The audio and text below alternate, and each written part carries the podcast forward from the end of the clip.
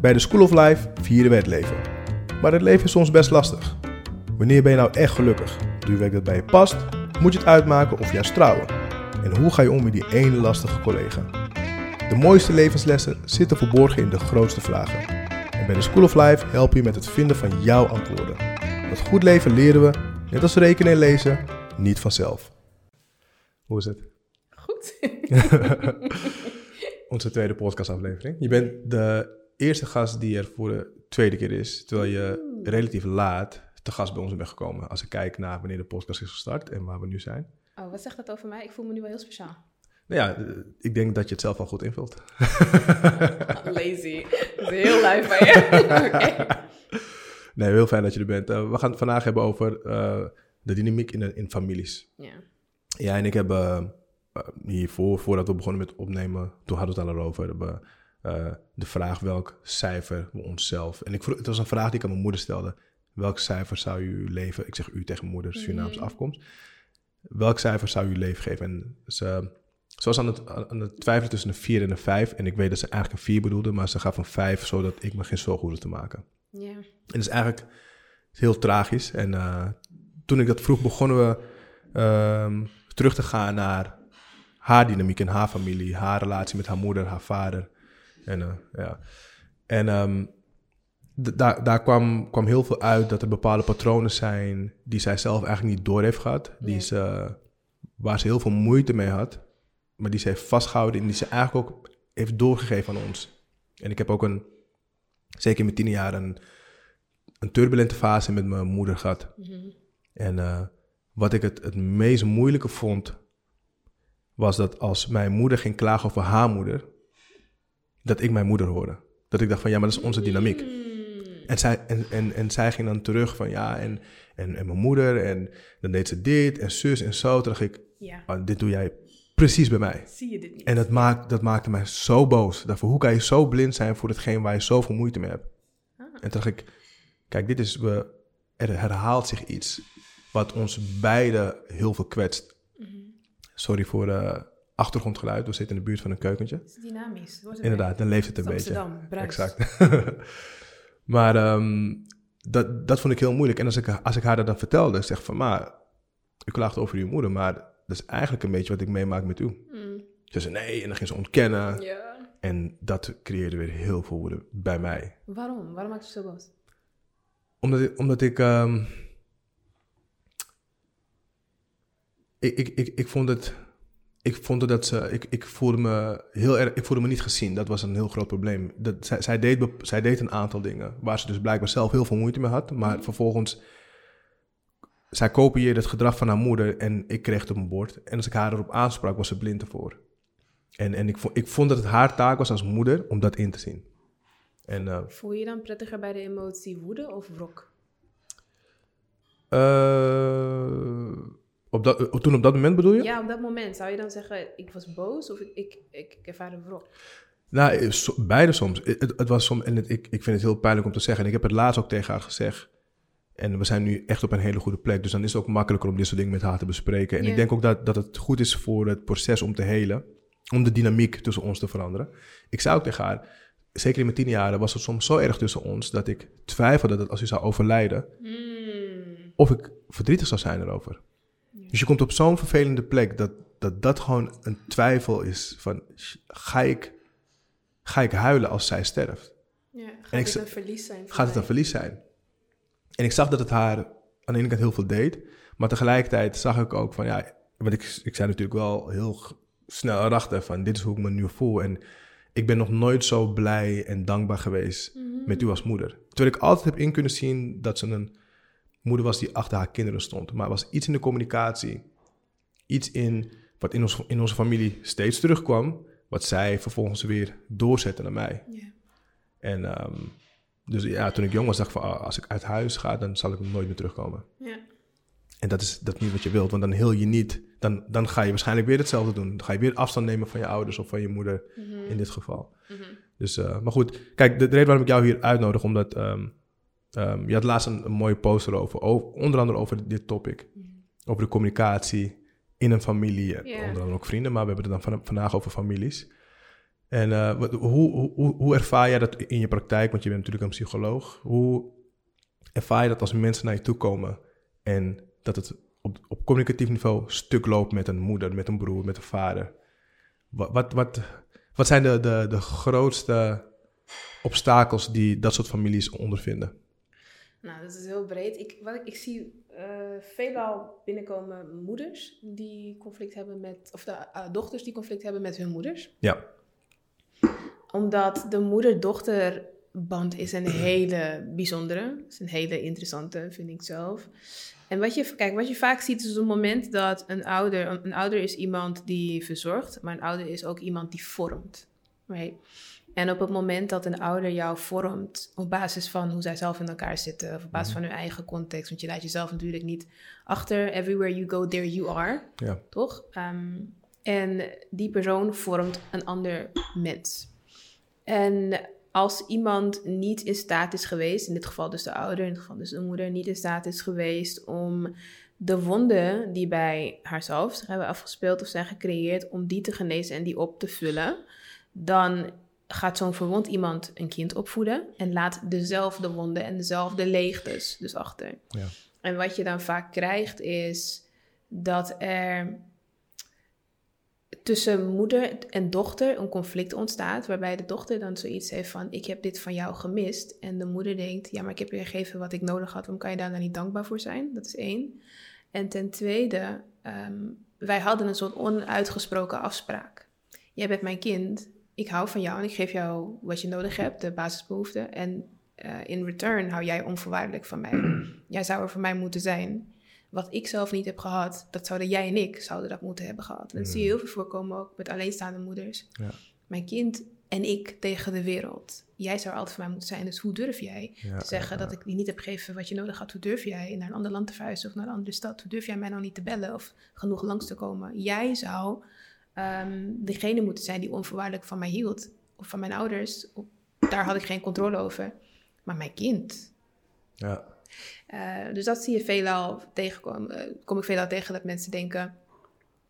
Ik kan één niet communiceren met mijn moeder. Ze snapt het niet. Ze heeft niet, lijkt niet de capaciteit te hebben om mij te begrijpen. En ten tweede, het is alsof ze in mij een soort... ehm, eh, alsof ze van mij een soort verwachting heeft... dat ik haar saving grace Oh ja. zou zijn. En ik ben nu ehm, bezig met mijn ehm, promotieonderzoek, zeg maar, aan het schrijven on- onderzoeksvoorstel. En het gaat dus over eh, relational ROI in ouder-kindrelaties. Dus ehm, return on investment in relaties tussen ouder en kind. Mhm. En ik noem het You Owe Me a Life, omdat ik echt een soort... Ik wil heel graag in onderzoek doen naar... Ik denk als je de meeste ouders zou vragen... wat is je kind jou verschuldigd? Ja, helemaal niks, weet je. Mijn kind is mij niks. Ik doe alles voor mijn kind. Onvoorwaardelijk hou ik van mijn liefde. Van, ook van mijn kind. Maar dat is niet waar. Er is een verwachting die je hebt van je kind. Ehm, en vooral emotioneel soms. Pas wanneer je kind niet voldoet aan je verwachting... merk je dat die verwachting er was. Ja. En is, is het zo dat, dat kinderen ergens bewust of onbewust die verwachting voelen, ondanks dat een 100%. ouder zegt van, ik wil dat je bent wie je bent en, en, en doe wat je, wat je gelukkig maakt. 100 procent. En dat, dat, dat merk je omdat je, sowieso als mensen zijn we geneigd om te bevestigen dat wat bij ons past. Daar Ja. waar we het mee eens zijn. En om af te straffen daar waar we het niet mee eens zijn. Right? Dus op die manier door te zeggen, eh, oh je doet dit, oh ja, geweldig. Oh je doet dit, nee, niet goed. Ja. Ja, stuur je en vorm je een kind eh, een bepaalde richting op. En op het moment dat een kind daar tegenin gaat... en jij kijkt en ziet van... "Hmm, dit is niet het beeld wat ik had van mijn kind... dan voel je dat als kind denk ik wel van... dit is volgens mij niet... Hier is geen match. Ja. Ik ga je voorbeeld geven. Ik, ik heb het heel erg met mijn moeder. Ik heb ooit Ik eens ook, een gesprek ja. met haar moeten hebben. Heel eerlijk. Heel Ja. eerlijk heb ik een gesprek met haar gevoerd. En heb ik gezegd... en ik weet dat ik je teleurstel... maar ik kan daarmee leven. Mm. En eh zei ik, maar hoezo sta je me teleur? Helemaal niet. eh, Et cetera, et cetera. En toen zei ik, nee, kijk, er zijn dingen waar ik jou, eh, waar je trots op bent. Jij bent trots op het feit dat ik ehm, drie universitaire diploma's heb. Daar ben je trots op. Je bent trots op het feit dat ik ondernemer ben.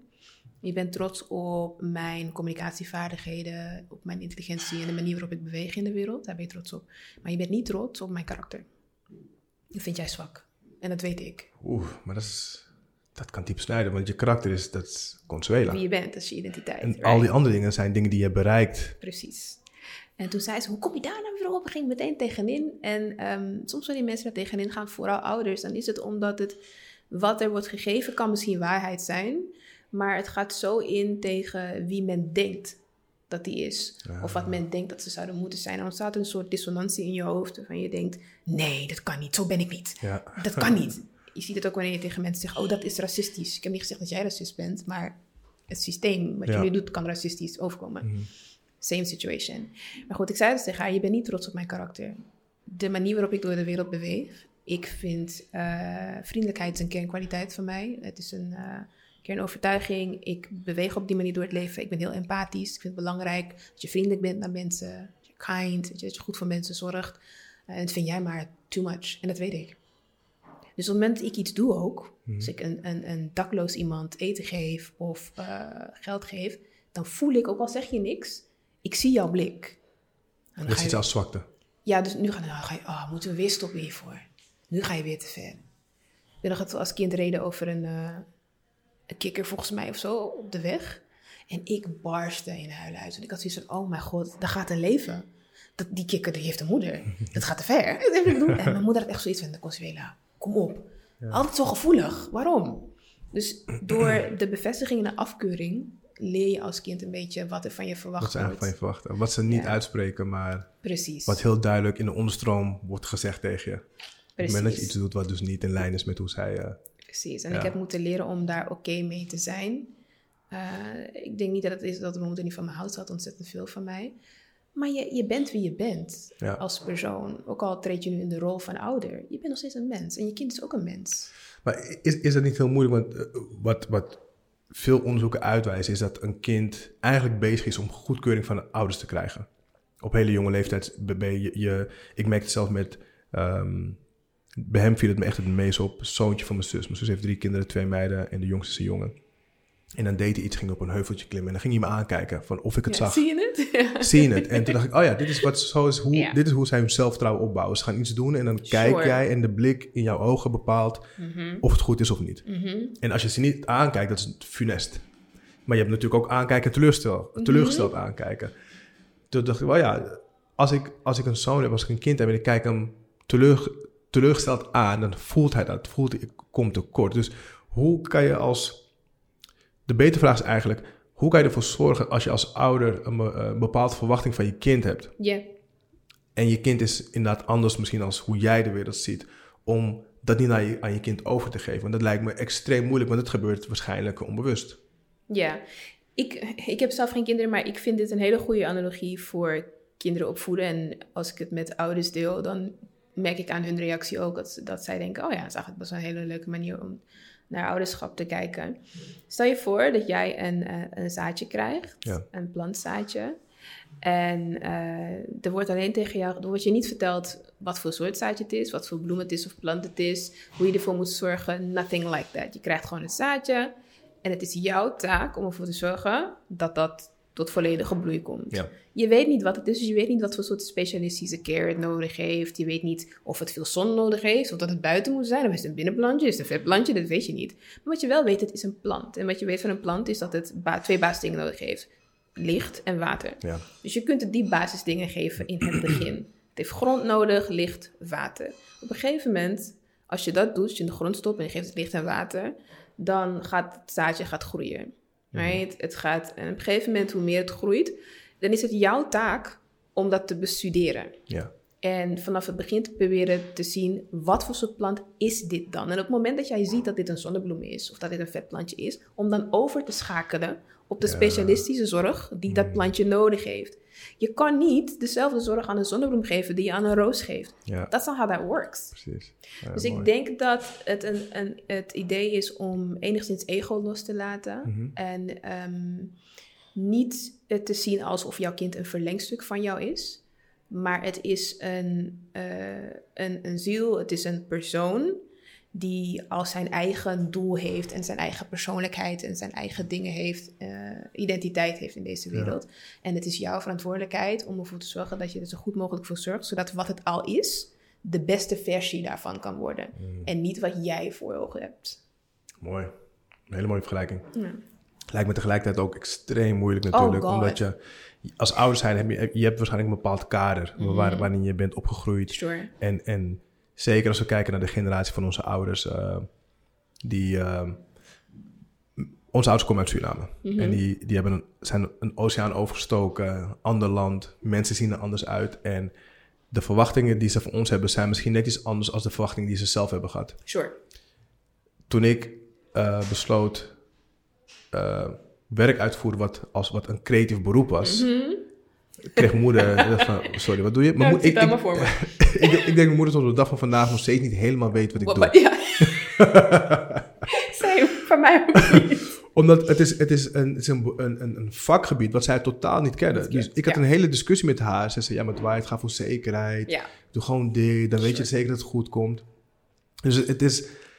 Je, je, je wilt je gesteund voelen door je ouders. eh, maar zij denken dat ze je alle steun en liefde geven... omdat Mhm. het, dat hun kader is.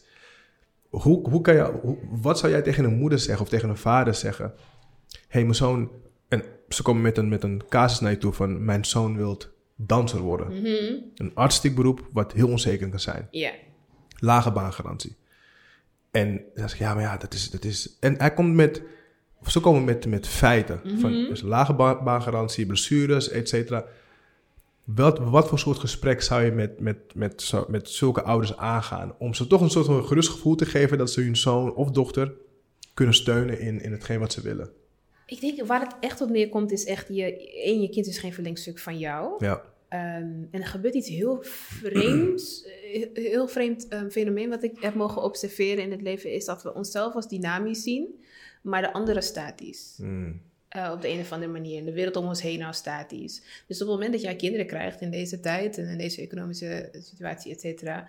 eh, elke dag dat, jou, dat, dat, je, dat je kind opgroeit, eh, verandert de wereld ook. ja. Ja, dus nu zou je in principe, kan een kind zeggen, ik wil YouTuber worden. Dat is een, dat is een legitiem beroep. gewoon een legitiem of TikToker beroep, ja. of influencer, dat is een legitiem beroep. ja. dat kan gewoon nu. Ehm, en wat ik zou zeggen is, een beetje in lijn met wat we hier bij de school doen. Ja. Als ik les geef, bijvoorbeeld aan de UvA, dan zeg ik altijd, bij de School of Life willen we je graag tools meegeven om ehm, de thema's van het leven, om die te kunnen, eh, om daarover in gesprek te kunnen gaan en daarover na te denken en samen uit te wisselen. Mhm. Ehm, het is een beetje een misleidende naam, de School of Life, want er is niet maar één manier te do life. ja. Er worden- er zijn zo verschillende manieren op basis van je context en de dingen die je hebt meegemaakt. Maar wat er wel, wat wel speelt, is dat we allemaal dezelfde thema's meemaken. Ja. Iedereen heeft het wel over vriendschap. Iedereen zit wel in relaties. Iedereen heeft wel familieconflicten. Iedereen heeft wel, et cetera. Dus onderliggend zijn er bepaalde principes en thema's die gelden. Hoewel de dynamiek daarboven anders kan zijn. Dus dat zou ik ook tegen ouders zeggen. Oké, nu heb je een kind wat zegt ik wil danser worden. Of een kind dat zegt ik wil influencer worden. Dat zijn allemaal dingen die jij niet kent. En ja, misschien is de job security niet super hoog. Maar wat je dan wel kunt doen, is je niet zoveel focussen op de oppervlakte. Want het kind zegt dat het wil worden. Maar gaan focussen op wat zijn de fundamentele eh, bouwstenen die daaronder moeten zitten. Om ervoor te zorgen dat waar het kind ook voor kiest. Of nou dansen is, creative is of architect is, dat het dat kan dragen. Ja. Dus een kind zegt ik wil creatieveling worden. Oké, prima. Een creative kan niet alleen creatief zijn. Er gaat heel veel in zitten voordat je creatief kan zijn. Je moet nog steeds weten hoe je van je creativiteit geld kan maken. Je moet nog steeds leren netwerken. Je moet nog steeds veerkracht hebben. Je moet nog steeds goed kunnen budgetteren. Dus at the end of the day, die old school principes die jij voor ogen hebt, die kun je je kind wel aanleren om je kind die veiligheid te geven. Ik denk dat we soms iets te veel focussen op die naam. Ik wil dit worden. Ja, precies. Op een specifiek beroep. Terwijl Ja. dezelfde tools die je ouders waarschijnlijk hebben gebruikt om te komen waar ze zijn, die kunnen, die kunnen, die kunnen ze doorgeven aan hun kind. Want het zijn gewoon bepaalde basisskills Precies. die je eigenlijk altijd wel nodig zou kunnen hebben. Want je zou maar het accountant zijn, of nou is een beetje slecht voorbeeld, maar je zou maar het architect zijn, hè? Ja. En totaal geen idee hebben van eh, money management. Dan zit je ook in de shit. Dan kom je ook in de problemen.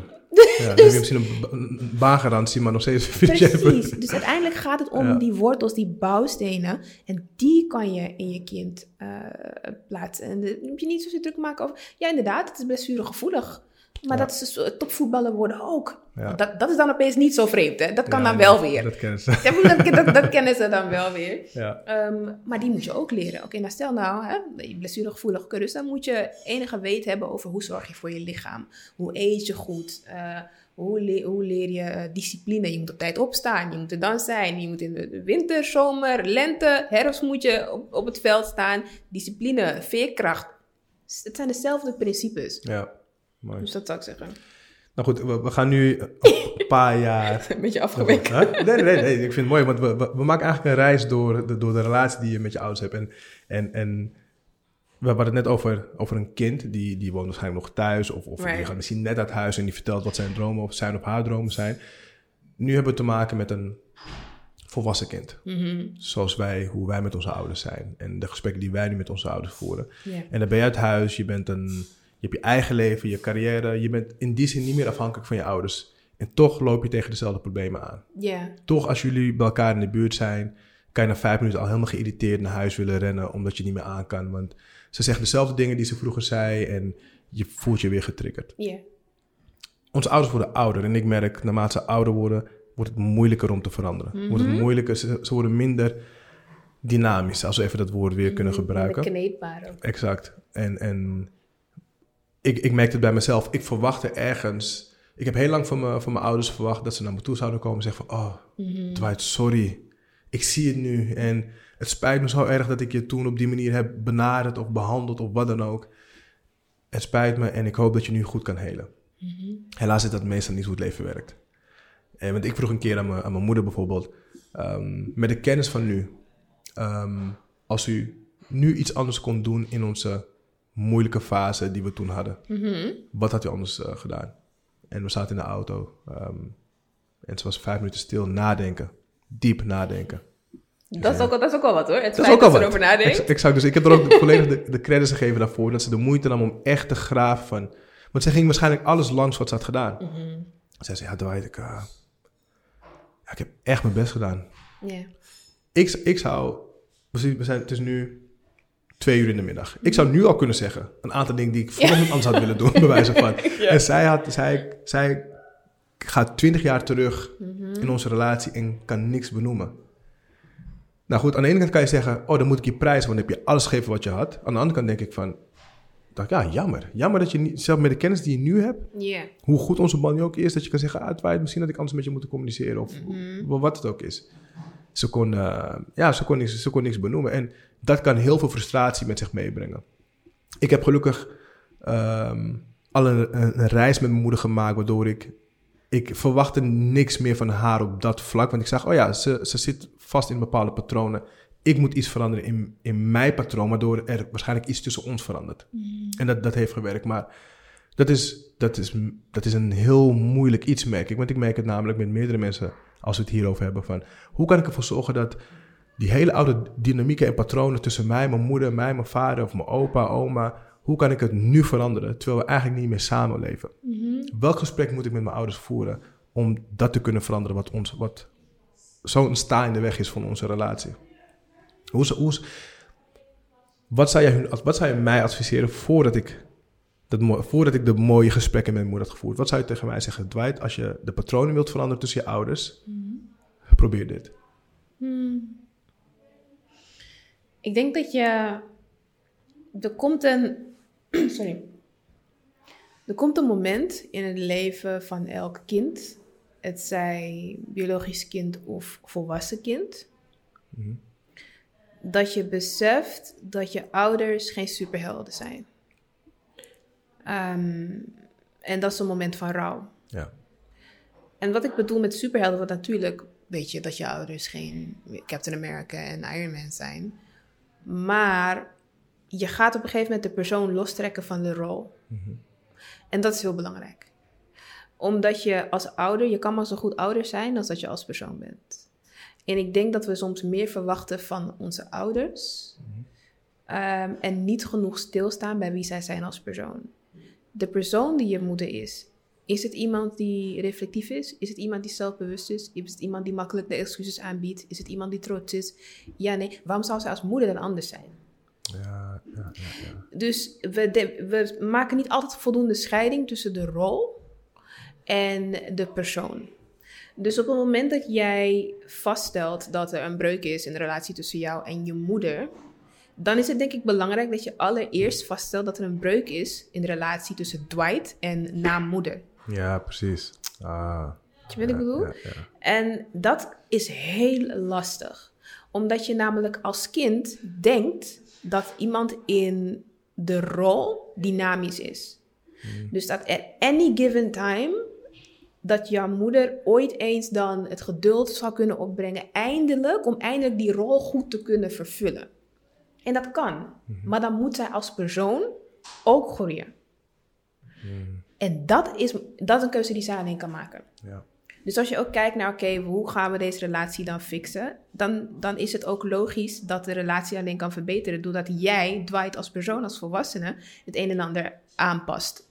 Omdat je dan een andere dynamiek hebt tussen twee personen. Exact. Ja, zeker. En dat is, dat is een lastig besef om tot te komen, inderdaad. Dat ehm, iemand niet kan veranderen in de rol, zolang ze niet veranderen als persoon. En je hebt geen controle over of iemand verandert als persoon. Dat is een keuze die zij zelf en alleen zelf kunnen maken. Ja, ja want dat, dat, dat is precies eh, toen jij mij vroeg, wat voelde je? Voelde je dan woede of wrok?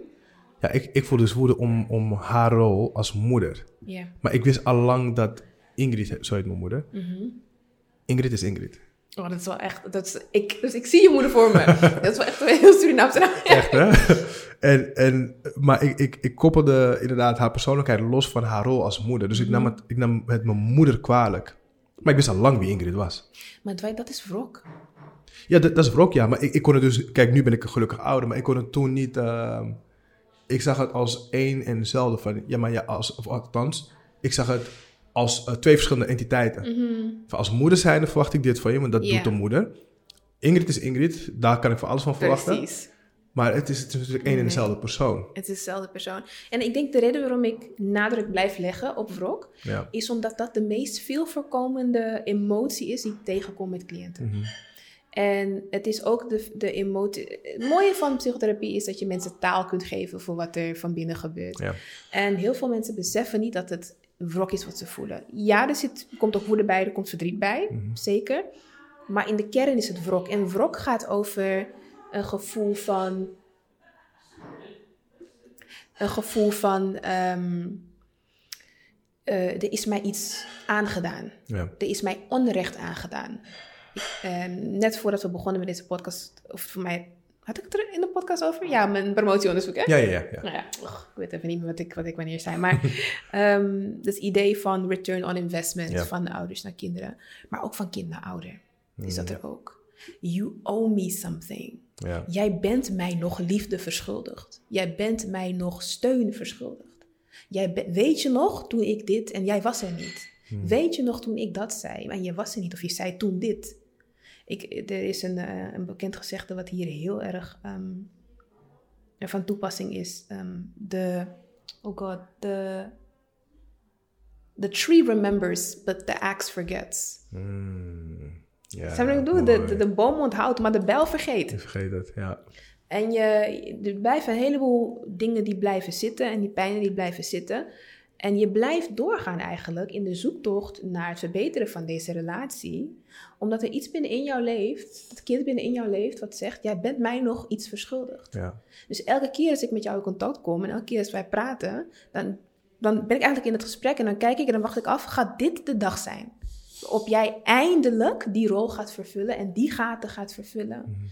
En je loopt dan steeds, de kans is dan groot dat je bij elk gesprek weer boos wegloopt, omdat je denkt, dit was Zeg weer niet die dag. ja.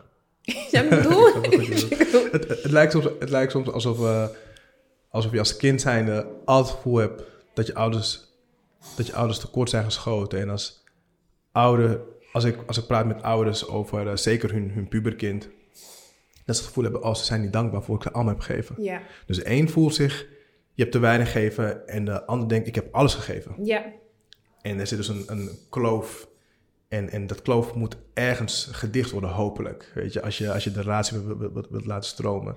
En ehm, mijn moeder heeft heel lang in de, in de zorg gewerkt. En het- toen, ik, toen ik jong was, kwam ik, eh, dan ging ik soms langs haar werk. En dan zag ik, ik zag heel vaak dezelfde mensen alleen. En dan vroeg ik aan haar van, maar waarom, waarom komt er nooit iemand langs? En dan, je bent acht of tien. En ik denk van, zo, je ziet een schattig, je ziet een schattige oma of een schattige opa. hoe kan iemand nou niet langskomen? En mijn moeder, Dwight, je weet nooit Mhm. hoe je relatie met je kinderen is geweest. En sommige mensen hebben nooit de gelegenheid gehad, genomen of, of wat het ook is, om die band te helen. Sure. En dat, dat, dat vind, ik, vind ik dood en doodzonde. Ik, ik, ik heb mezelf altijd de vraag gesteld. Heb ik mijn ouders alles gevraagd en gezegd Mhm. wat ik wil? Want er gaat een dag komen dat zij niet meer zijn. En dan wil ik niet denken, ah, had ik het maar gevraagd, had ik het maar gezegd. Sure. Dus dat gesprek aangaan is zo belangrijk voor mij. Er komt nu net iets in me op. Ik was, eh, oeh, nog geen maand geleden. Was ik op bezoek bij mijn eh, opa, de vader van mijn moeder. Ja. En hij had een tijdje geleden had hij, heeft hij een eh, herseninfarct gehad. Ik hoorde het. Hè, je, de familie deelt het. Het is familie-app natuurlijk. Hè, Ja. Dus dan, dan delen mensen dingen. En ik zag het en ik registreerde het als informatie, maar het deed me eigenlijk helemaal niet zoveel. Ik was vroeger heel close met mijn opa, maar dat contact zijn we verloren. Dus weet je, dit, dit is de vader van mijn moeder at Ja. this point. Hè? Het is niet mijn opa. ja, precies. Eh, en dus mijn moeder die bleef me vragen, ga je niet langs Consuela? Ga je niet langs? Ja, ooit eens, zeg ik. Als ik de tijd heb, hij woont in Assen. Dus ik zat er 2,5 uur rijden. Dus als ik ooit eens, toevallig moest ik spreken op een evenement in Groningen. Dus toen dacht ik, nou oké, oké, ik, ik rijd nu langs Assen. Ja. Hè? Nu heb ik even geen excuses meer. Dus ben ik langs gegaan met nog wat andere familieleden. Ehm, en zelfs daarvoor dacht ik, ga ik nog langs. Maar wat mij uiteindelijk heeft overtuigd om toch langs te gaan, was dat ik inderdaad het, een aantal gesprekken met hem wilde voeren. En ik wilde informatie van hem over ehm, de band die hij met mijn moeder heeft opgebouwd. En Ja. die ik heb gezien die hij met mijn oma had. En hoe zijn vader zat. En ik wil weten, waar is dit patroon begonnen? Want het is, het zeker niet begonnen bij mijn moeder. Dus is het bij jou begonnen dan? Mhm. Nee, bij jou ook niet. Want ik hoor jou ook praten over jouw vader. Oké, maar bij, wat kan jij je herinneren over jouw opa? Ik wil weten, hoe, hoe lang gaat dit al zo door en Ja. waarom? Waarom heb jij het doorgezet? Waarom heb jij het niet onderbroken? En ehm, je weet, ik ben ontzettend fan. Ik zeg altijd, iedereen is docent van zijn eigen leven. Mhm. En dus we zitten, we lopen soms heel veel informatie mis, denk ik. En tools om patronen te kunnen doorbreken binnen families, omdat we niet met elkaar in gesprek gaan Ja. Over hoe het leven is geweest. Omdat we niet reflecteren op eigen leven. Omdat we niet openstaan ehm als ouders om te zeggen: Oké, ik heb gedaan wat ik kon, maar hoe heeft wat ik heb gedaan op jouw invloed gehad? En hoe kan ik misschien nu nog corrigeren? Wat kunnen we doen? Wat zou je anders willen doen? Welke tips kan ik je geven? Et cetera, et cetera. En ik denk, even als reactie op wat jij eerder zei, komt ook een moment dat je moet beseffen dat iemand van je kan houden met alles wat ze hebben en toch niet op de manier waarop je het nodig had. Ja. En dat has to be okay. ja. Ja. Dat, eh, ja, het is een dat, dat heeft mij ook heel, heel erg geholpen. Acceptatie. Mijn vader en ik bijvoorbeeld. We hebben twee jaar geleden een prachtig gesprek gehad. Echt prachtig. Moest zou ingelijst moeten worden. Hij heeft zelf een brief geschreven naar ons. Naar mijn, eh, mijn broertje, mijn zus en ik. En hij las zijn eigen brief voor. Mm. En hij begon met... Mijn gedachten hebben mij misleid. Oeh. Want hij dacht dat we een goede band hadden. Want hij dacht van, zolang ik niks van ze hoor, dan zal het wel goed zijn. Want dat is hoe hij is opgevoed. Van, als er een probleem is, dan zeg je het en dan word je boos en dan krijg je straf. Geen geluid is goed geluid. Exact. En hij kreeg nu al- al- allemaal andere geluiden van ons. En eh, dus hij, hij, zo, begon hij, zo begon hij zijn brief. En hebben we twee, drie uur gesproken. En hij nam ownership voor alles wat hij, wat hij verkeerd had gedaan. Ja. S- Zei ook dingen van, ik zou je graag een heel mooi antwoord willen geven nu. Maar hetgeen waar je, wat je me nu vraagt, waarom dat zo is gegaan, ik heb daar nooit over nagedacht eigenlijk. Maar dat vond ik heel sterk, want hij koos niet voor een sociaal gewenste antwoord. Dus we, we reden weg. Mijn vader woont in Rotterdam en ik zelf in Amsterdam. En we, we reden weg en ik zit met mijn zus in de auto. En ik dacht, oh, ik ben weer trots op hem. Ik ben trots dat dit mijn vader is. Maar weet je wat daarna vervolgens gebeurt? Ik, ik spreek hem nog minder dan ik, dan dat ik hem ooit heb gesproken. Maar toch zit het goed. Het zit goed. Ja. En dat is waar jij het net- over hebt. Mhm. Mijn vader en ik zullen nooit die band hebben. Mhm. En, en daar heb ik een tijd voor gevochten om me ook uit soort van, ja, maar dat hoort en, en dat, dat, dat wil ik volgens mij. Ja. Maar op een gegeven moment kom je op een punt van, hé, hey, het is goed, dit is onze, dit is onze dynamiek. Dit is hoe wij met elkaar omgaan. En, en zolang we alles maar naar elkaar hebben uitgesproken en hebben gezegd en we liefdevol naar elkaar kunnen zijn, dan is het iets wat ik moet accepteren. En dat hoeft niet een, een, een vervelend verhaal te zijn. Mhm. Het is gewoon ons verhaal. Maar dat is dan denk ik omdat het respect tussen jullie is genezen. Ja, Opnieuw is opgebouwd. Het respect voor jou naar je vader als persoon. Want je, je zegt, oh dan kijk je en dan heb ik zoiets van, oké, nu ben ik trots op hem. ja, exact. Je, Met deze Ja. man denk ik, oké, daar kan ik wat mee. Juist, Dus dan is er een soort basisrespect tussen Dwight en de man. ja, exact. En dat maakt het beter. Maar de relatie verbetert niet per se, omdat de rol uitblijft. Ja. Maar de respect tussen die twee mensen Juist. op persoonsniveau, die is nu weer hersteld. Ja. En dat helpt al heel erg. Ja, zeker. En, en het ook, ook wat je zei. Ik denk wat, wat, wat heel belangrijk is. ehm, aan de ene kant hebben we als kind zijn, dan willen we vaak die hele mooie zin die ouders zeggen. Gewoon zeggen van hey, het spijt me. Mhm. Maar wat voor mij misschien wat het meest belangrijk is geweest in de relatie met mijn ouders, in, in onze dynamiek, is dat ik wist hoe hun leven was. Ik ging vragen stellen, ik ging, ik ging ze opnieuw leren kennen. Ja, En niet alleen als vader en moeder, maar hoe waren ze als tiener? Hoe waren ze als jongvolwassene? Of hoe waren ze toen voor het eerst verliefd waren? Dus al die fases wilde ik leren kennen om te weten van, oh, maar dat is waarom jullie hebben gedaan wat jullie hebben gedaan.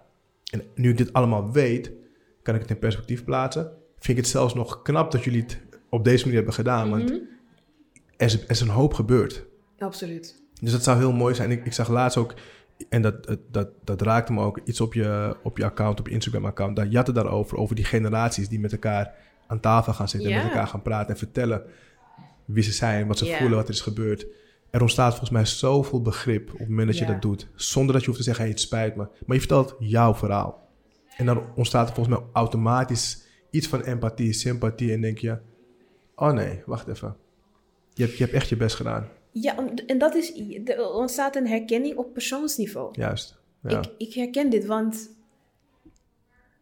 ik, bijvoorbeeld, ik, eh, nou ben ik even heel transparant, maar ik heb eens gesprekken gehad met mijn moeder, eh, waarin zij tegen mij zei, het lijkt alsof je me niet mag. Eh, en dat ik tegen haar zei, ja, dat is misschien ook wel zo. ja. Ik zeg, ik hou heel veel van je, maar het kan best zijn dat ik je niet echt mag.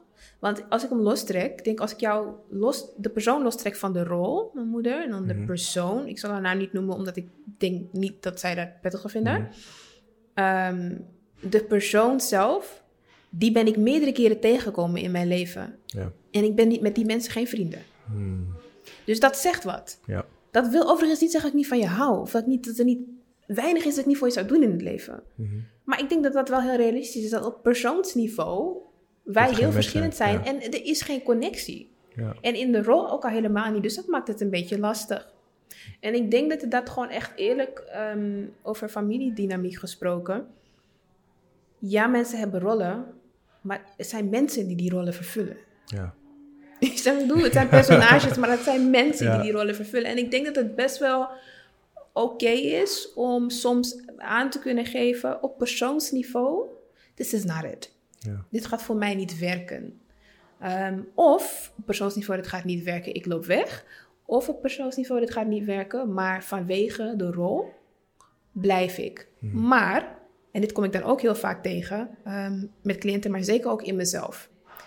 Dan hangt het er maar net van af hoe jij zelf in elkaar zit en waar je zelf waarde aan hecht. Mhm. Bijvoorbeeld tussen mijn moeder en ik. Mijn moeder is een traditionalist. Mijn moeder is iemand die nog opgegroeid is mm, Surinaamser dan ik, eh, dus collectivistischer dan ik. Ja. Ik in Nederland, dus een stuk individualistischer. Ehm, dat betekent ook dat zij, bijvoorbeeld in het voorbeeld van mijn, van mijn opa, je moet gaan, want het is je opa. Ja, ja, ja. Toch? Dus ze speelt het op de rol. Ja. Je moet mij bellen, want ik ben je Je moeder. moeder. In mijn hoofd, ik heb geen band met de persoon. Dus ik ga niet. Ja. Ik heb geen band met jou, dus ik heb niks om over te praten. Dus het is ook maar net even kijken soms in een dynamiek tussen twee mensen waar mensen waarde aan hechten. Ja. Ehm, en of iemand bereidwillig is om ongeacht de mismatch op persoonsniveau, Mhm. toch voor the sake of de rol ehm, te blijven werken aan de relatie. Ja. En ik denk dat, dat soms mensen, met name ouders, daar nog wel eens een fout in maken. Vooral als het ouders zijn die vanuit een collectivistische cultuur komen. En dat hoeft niet per se een eh, etnische cultuur te zijn, maar dat kan ook zijn, eh, noem maar wat in Volendam of in een vissersdorpje ben je ook allemaal heel, heel collectivistisch en samen en ons kent ons. Ja. Dat, daar geldt het ook. Ehm, dat vanwege de rol en vanwege een, een gevoel van plicht dat iemand een bepaalde relatie en een bepaald gedrag in stand zal houden. Maar als iemand een veel individualistischer perspectief heeft, dan is die kans een stuk kleiner. Ja, En loop je het risico dat iemand zegt, ja dag, ik mag jou niet. dus ik ben weg. Bye. Mooi.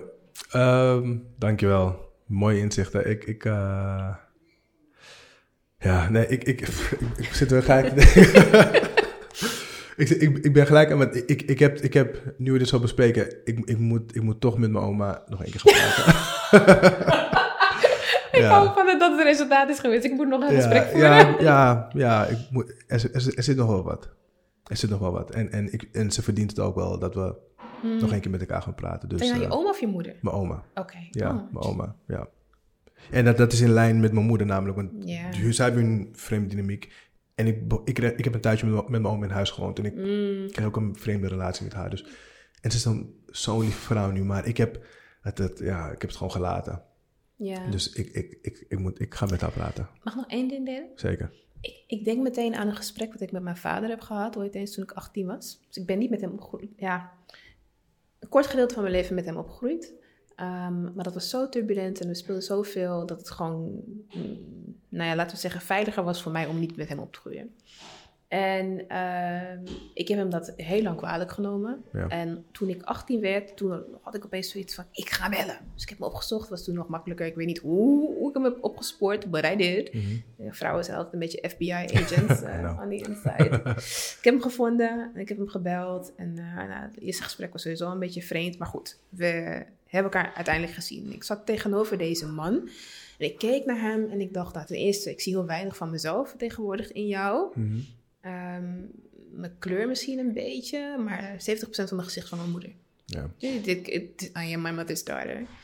Ehm, maar in, zijn, in mijn gesprek met hem begon ik te zien dat, ongeacht het feit dat hij zijn rol niet heeft uitgevoerd, op persoonsniveau, hoewel ik lijk van buiten op mijn moeder, ben ik mijn vaders dochter. ja. Maar persoonlijkheid. Oh.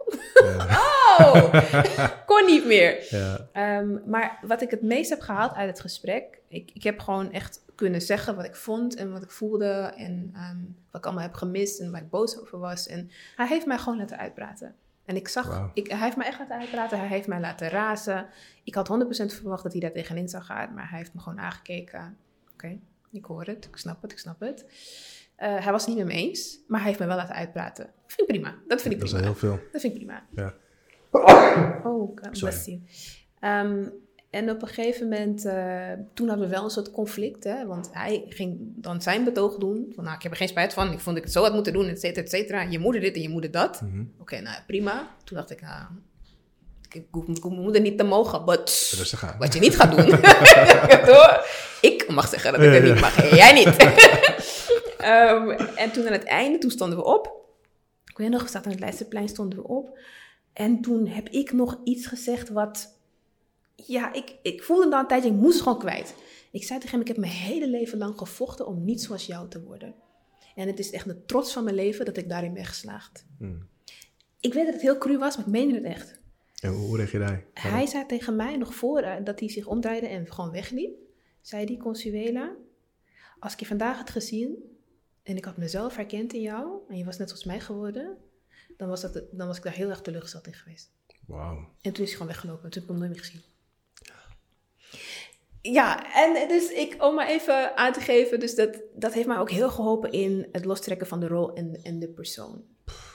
Oeh. Het heeft mij heel erg geholpen en het heeft mij heel erg vrijgezet in, in mijn gedachten over mijn vader. Ja. Op die dag, toen ik dat eenmaal had verwerkt, toen kon ik het loslaten. Omdat ik zag dat de persoon zelf ook wel inzag ehm, dat hoe hij het had aangepakt niet de juiste manier was. Mm. Dat hij blij was dat ik op de een of andere manier ergens de kracht en de kennis en de kunde had gevonden om zijn patroon te doorbreken en om te doen wat hij niet heeft kunnen doen. Het, het, het, is, het is een. Het is, je zou, je zou in een, in, als dit een film zou zijn, zou je denken: oh, jammer dat jullie elkaar niet meer gezien. Maar hij laat je op een fijne manier achter, vind ik.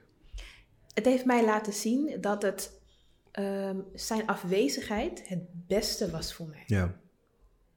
Als ik met hem was opgegroeid, had ik dit patroon niet kunnen doorbreken. Mhm. Dus ik was daar heel ik was, voel voor het eerst dankbaar voor de afwezigheid van mijn vader. Ik, ik vind, ehm, we, zijn, we zijn als mensen zijn vaak op zoek naar een soort van happy ending. en, en de happy ending moet op een bepaalde manier gaan. Sure. Maar je kan soms ook een happy ending hebben op een hele onorthodo- onorthodoxe manier. En, en, en ik, ik- denk dat daar zoveel moois in zit als je dat kan accepteren. Als je niet gefixeerd bent in van ja, maar we moeten eindigen in een groepsknuffel. Precies. En we zijn nu weer beste vrienden. ja. Exact. Als je kan accepteren dat je gelukkig kan zijn met een, een, een happy ending die niet uit het boekje komt, Mhm. Daar zit volgens mij zoveel schoonheid in. Mm. Maar dat is vaak inderdaad, dat is een be- bepaalde bewustwording, acceptatie. Maar daarom ben ik blij dat je dit deelt. Omdat, Ja. omdat eh, dit is zo'n voorbeeld daarvan. Van ja, het is misschien niet gegaan zoals in het boekje, maar het is precies wat ik nodig had. Ja. Ja, dankjewel. Waar kunnen de, waar kunnen de luisteraars jou vinden? Ik hou het heel simpel altijd. Ik heb geen website, zou ik wel moeten doen eigenlijk. Ehm, maar je kunt mij vinden op social media ehm at The Culture Counselor. Dat is de naam van mijn praktijk. Overal waar je het zoekt. Instagram, Facebook, TikTok, um, everywhere. Ehm, en wat je dan het meeste gaat vinden nu, en vooral op mijn Instagram, is een project waar ik nu mee bezig ben. Ehm, het is gewoon, de wachtlijsten binnen GGZ zijn super lang. Dat is één. En ten tweede heeft gewoon niet iedereen behoefte aan echt een heel traject met een psychotherapeut of een psycholoog. Dus ik wil daar tussenin gaan zitten en mensen tegemoet komen die met alledaagse emotionele problematiek zitten. ehm, met zichzelf, maar ook in de relaties, persoonlijke relaties, eh, communicatie of eh, waar ze dan ook mee zitten. Eh, dus ben ik een soort interactieve cursus aan het maken. Ehm, en die cursus bestaat heel leuk uit eh, audio van echt real-life sessies met mensen die dezelfde problematiek hebben als, als je dat jij hebt. Je hoort dan mijn sessies met hen, zodat je je kunt herkennen in hun verhalen. Ehm, en, en, en ziet waarom ik eh, zeg wat ik zeg en hoe ik dingen aanpak en de tips die ik geef, et cetera. Ehm, en tegelijkertijd leer ik je ook gewoon de theorie daarachter en hoe je dingen zelf kan aanpakken. En zit er een werkboek bij en kan je gewoon echt zelf aan de slag zonder dat je echt dus eh, die therapie in hoeft. Dus daar kan je nu voor aanmelden ehm, via de link op mijn social media. Mooi. Not? Dankjewel. Thanks.